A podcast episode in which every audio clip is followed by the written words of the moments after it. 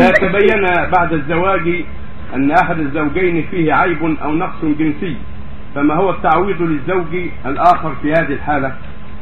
هذا إذا وجدت عيبا فيها وجدت فيها عيبا إن صلحا ولا المحكمة تحكم بينهما هذا يحتاج إلى تفصيل إذا وجدت المرأة في زوجها عيبا كبرص داخلي أو تعطل النكاح أو ما أشبه ذلك أو وجد بها عيبا كبرص داخلي أو مرض أو شيء داخلي يعيبها فإن اصطلحا فيما بينهما ورد كل واحد بالآخر أو فارقها بنفسه أو أعطته شيئا وفارقها فالحمد لله وانتهى الأمر. فأما إن أدى الأمر إلى النزاع والخصومة فهذا إلى المحال نعم.